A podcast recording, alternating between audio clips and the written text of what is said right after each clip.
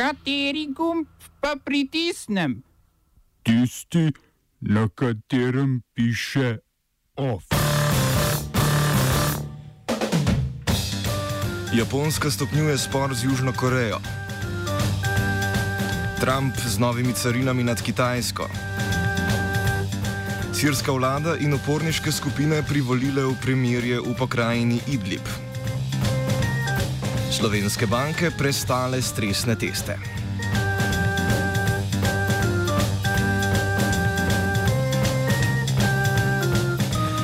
Dobr dan, začenjamo na Daljnem vzhodu. Japonska vlada se je odločila, da Južno Korejo izključi iz seznama držav, ki imajo prednostni status pri mednarodni trgovini.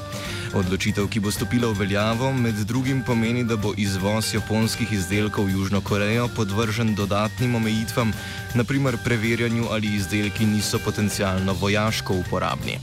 To pomeni, da bodo posamezni posli podvrženi pregledu japonskih uradnikov. V južnokorejskih podjetjih se bojijo, da bi Japonska te postopke, ki lahko trajajo 90 dni, uporabljala za pritisk na južnokorejsko vlado. Tamkajšnji predsednik Moon Jae-in je v televizijskem nagovoru napovedal recipročne ukrepe. Gre za stopnjevanje trgovinske vojne med Japonsko in Južno Korejo, ki se je začela pred enim mesecem, ko je Japonska začela omejevati izvoz kemikalij, ki jih potrebuje južnokorejska industrija polprevodnikov, paradni kon tamkajšnjega gospodarstva. V Južni Koreji so se na japonske poteze odzvali z bojkotom japonskih izdelkov. V ozadju spora je nerazrešeno vprašanje japonske odgovornosti za vojne zločine med okupacijo Koreje med letoma 1910 in 1945. Nedavno se južnokorejska sodišča dvema japonskima podjetjama naložila izplačilo odškodnin zaradi uporabe prisilnega dela med drugo svetovno vojno. Več pa v kultivatorju ob petih.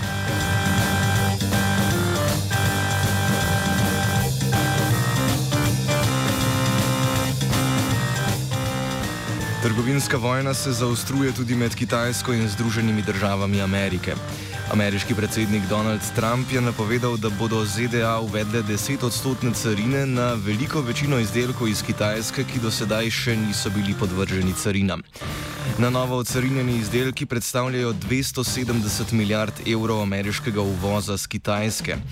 Carine bodo v veljavo stopile 1. septembra, ZDA so lani poleti uvedle 25 odstotne carine na 45 milijard evrov kitajskega uvoza, konec lanskega leta pa 10 odstotne carine na 225 milijard kitajskega uvoza.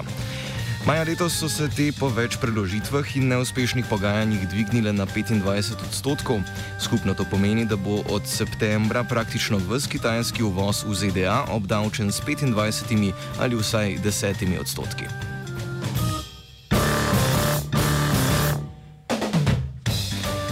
Kisajo pa se tudi ameriški odnosi z Rusijo.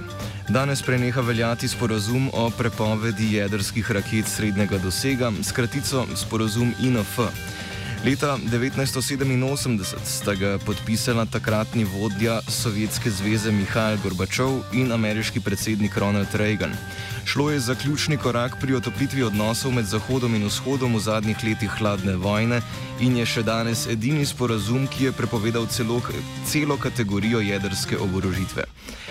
Zaradi njega so bile iz Evrope umaknjene ameriške in ruske rakete, oborožene z jedrskimi bojnimi glavami, ki naj bi jih v primeru vojne uporabili na evropskem bojišču.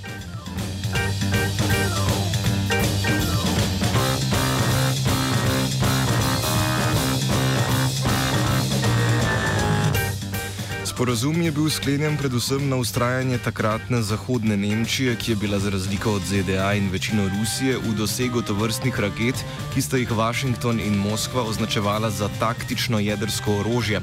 Zato ni bila vključena v sporazume o zmanjšanju strateškega jedrskega arzenala START.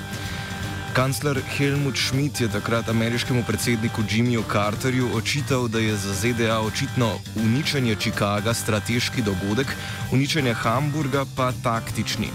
Aktualni nemški zunani minister Heiko Maas je bil danes bolj spravljiv in je povedal, da konec sporazuma ne pomeni obnovitve oboroževalne tekme.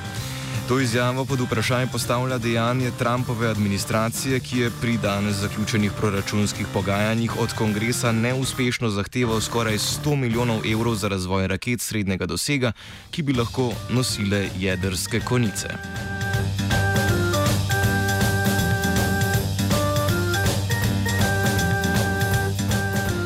Trump je bil sicer v pogajanjih s kongresom o proračunu za naslednji dve leti precej uspešen. Proračun, ki ga je včeraj v svojem zadnjem dejanju pred parlamentarnimi počitnicami potrdil še senat, je namreč ugodil večini želja Trumpove administracije. Demokratski predsedniški dom je podprl Trumpovo povečanje obramnega proračuna na 665 milijard evrov. Ker je Trump hkrati zmanjšal davek na dobiček, se bo ameriški proračunski primankljaj povečal na blizu 1000 milijard evrov.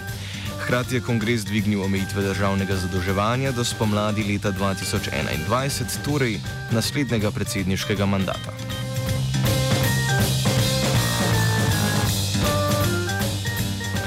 Selimo pa se še na Bližnji vzhod. Sirska vlada predsednika Bašarja al-Assada je privolila v prekinitev ognja v provinci Idlib. Večino te province obvladuje džihadistično zavezništvo Hayat Tahrir al-Sham, nekoč Al-Kaida v Siriji. Dogovor predvideva, da se uporniške skupine umaknejo z 15 do 20 km širokega pasu ob fronti ter predajo težko orožje. Sirska vojska je prenehala z, z letalskimi napadi, območje je bilo sicer zadnje tri mesece podvrženo hudemu bombardiranju. Sporazum je bil sklenjen v ruskem letovišču Soči ob sodelovanju Rusije na strani Sirije in Turčije na strani upornikov. Medtem se je v Kazahstanu začel nov krok pogajanj, na katerih poleg omenjenih držav sodelujejo še predstavniki Irana, Jordanije, Iraka, Libanona in Združenih narodov. Oba, če, če bom odgovoril na angliški. Slovenija will try to help. Uh, we can. Slovenija will. Uh, and we will. Do our utmost. To say that the situation is. Our problem ourselves. And uh, we will. Uh, make further steps as soon as the conditions are. Bomo vlado Marjana Cererera Šarca podprli. Very, very serious. News from Slovenia. We know how and we will. Banka Slovenije je predstavila rezultate stresnih testov v slovenskem bančnem sistemu. Kot so povedali, so slovenske banke dobro kapitalizirane in bi preživele tudi močnejšo recesijo. Scenarij testa je predvideval, da bi Slovenijo zajela triletna recesija in bi se gospodarstvo vsako leto skrčilo za več kot 2 odstotka. Simulacije bančnih bilanc so pokazale, da tudi v tem primeru slovenske banke ne bi imele težav z likvidnostjo. Banka Slovenije sicer ugotavlja, da Slovenci vse več uporabljajo tuje spletne banke, najpopularnejši sta nemška N-Zehcun-Svancih in britanska Revolut, ki imata 13 tisoč komitentov.